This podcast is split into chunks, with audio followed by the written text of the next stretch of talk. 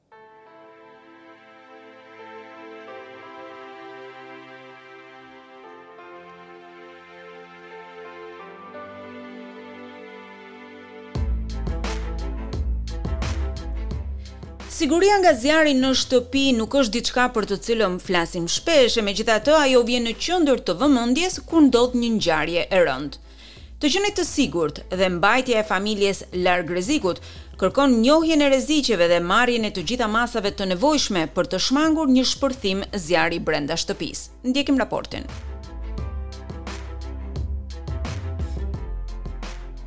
Megjithëse shumica e zjarreve aksidentale brenda shtëpisë janë të parandalueshme, nuk duhet shumë për të ndezur një flakë. Pasojat e zjarrit janë të pakthyeshme. Flakët më të vogla mund të çojnë në dëme shkatërruese dhe në tragjedi fatale. Një studim i përbashkët, i vitit dy mijë e nëntëmbëdhjetë nga Natural Hazard Research Australia dhe Fire Rescue Victoria, sugjeron që më shumë njerëz vriten në zjarret e banesave çdo vit, sesa nga rreziqe të tjera natyrore si përmbytjet, stuhitë dhe zjarret e tjera. Andrew Gissing është bashkautor i studimit dhe kryeshef ekzekutiv i kërkimeve rreth rreziqeve natyrore në Australi. Sipas tij, gjetjet e raportit thanë se vdekjet e parandalueshme dhe siguria nga zjarri mbetet shumë e rëndësishme.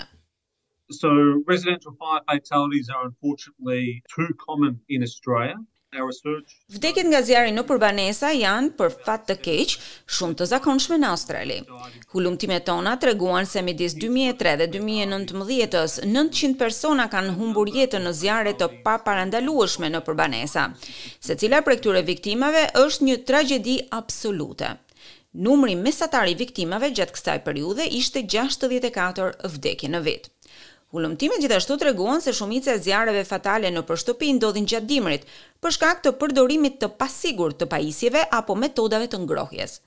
Autoritetet zjarrfikëse i bëjnë thirrje njerëzve të përdorin pajisjet e ngrohjes në përputhje me praktikat e rekomanduara nga prodhueset.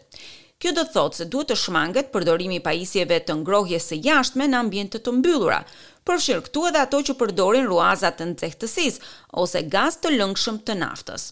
Gissing thotë se pajisjet e ngrohjes është të krijuara për përdorim të jashtëm nuk duhet të përdoren në ambiente të brendshme. Ato mund të sjellin edhe helmim nga monoksidi i karbonit. Preventable residential fire fatalities occur more commonly during winter, many of these are being caused by heaters or. Vdekjet e parandalueshme nga zjarri në banesa ndodhin më shpesh gjatë dimrit. Shumë prej tyre shkaktohen nga ngrohje ose nga zjarre të hapura. Sigurisht, njerëzit gjatë muajve të dimrit duhet të jenë shumë të vëmendshëm kur përdorin ngrohje apo zjarre të hapura, si dhe rreziqet që vijnë prej tyre. Sipas studimit, demografia më e rrezikuar nga viktimat e zjarrit në banesa përfshin personat e moshës gjashtëdhjetë e pesë vjeçare e lart ose fëmijët. Simone Sullivan, menaxhere e Njësisë së Promovimit të Shëndetit të Fëmijëve, shpjegon. So generally, younger children are the most at risk group, and they're naturally quite curious. So these accidents generally just happen in. Në përgjithësi, fëmijët më të vegjël janë grupi i rrezikuar. Ata janë kureshtarë. Këto aksidente në përgjithësi ndodhin brenda pak sekondash. Për fat të keq, lëkura e fëmijëve është më e hollë se të rriturve.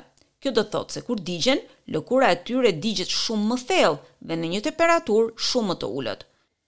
Specialistët thonë se një nga praktikat më të mira është që në shtëpi të kesh alarmin, gjithashtu dhe një plan shpëtimi nga zjarri dhe nuk duhet t'i lësh gatimet pa mbikëqyrje.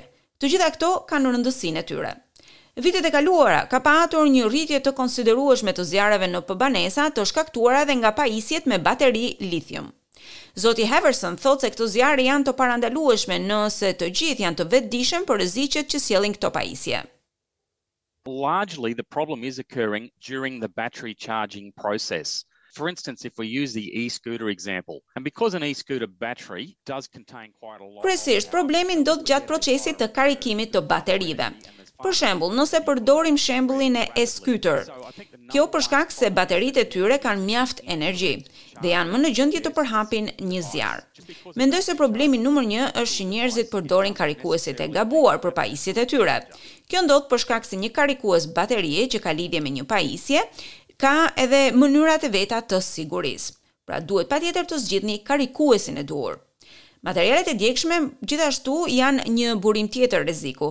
Ato zakonisht gjenden nëpër oborret e shtëpive në shumicën e njerëzve.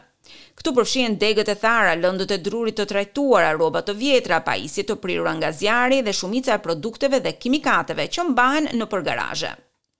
If they are needed to be stored, for instance, motor-mower fuel or fuel for other vehicles, they should be in a. Nëse duhet të ruhen, atëherë për shembull karburantet e kositjeve e të tjera duhet të mbahen në pajisje të caktuara, të cilat i mbrojnë nga nxehtësia. Ky është një faktor kyç për sa i përket mbrojtjes nga shpërthimet e karburanteve, është një rrezik shumë i rëndë dhe një faktor kyç për sigurinë brenda shtëpisë. Ndërsa alarmet e tymit nuk parandalojnë zjarret, ato i japin njerëzve mundësinë që të njohin menjëherë rrezikun që vjen nga një zjarr i mundshëm brenda shtëpisë. Zoti Halverson thotë se nuk duhet të përpiqeni të shuani zjarrin nëse nuk jeni të përgatitur. Having properly working smoke alarms is a really key factor in ensuring safety for ourselves and our families in our homes. And if people are confident and have the right Pasja e një alarmi të tymit që funksionon duhet të jetë një faktor kyç për të garantuar sigurinë për veten dhe për familjet. Njerëzit kanë besim dhe pajisjet duhet të jenë ato që duhet, në mënyrë që t'i japin atyre mundësinë të dalin nga shtëpia përpara rrezikut.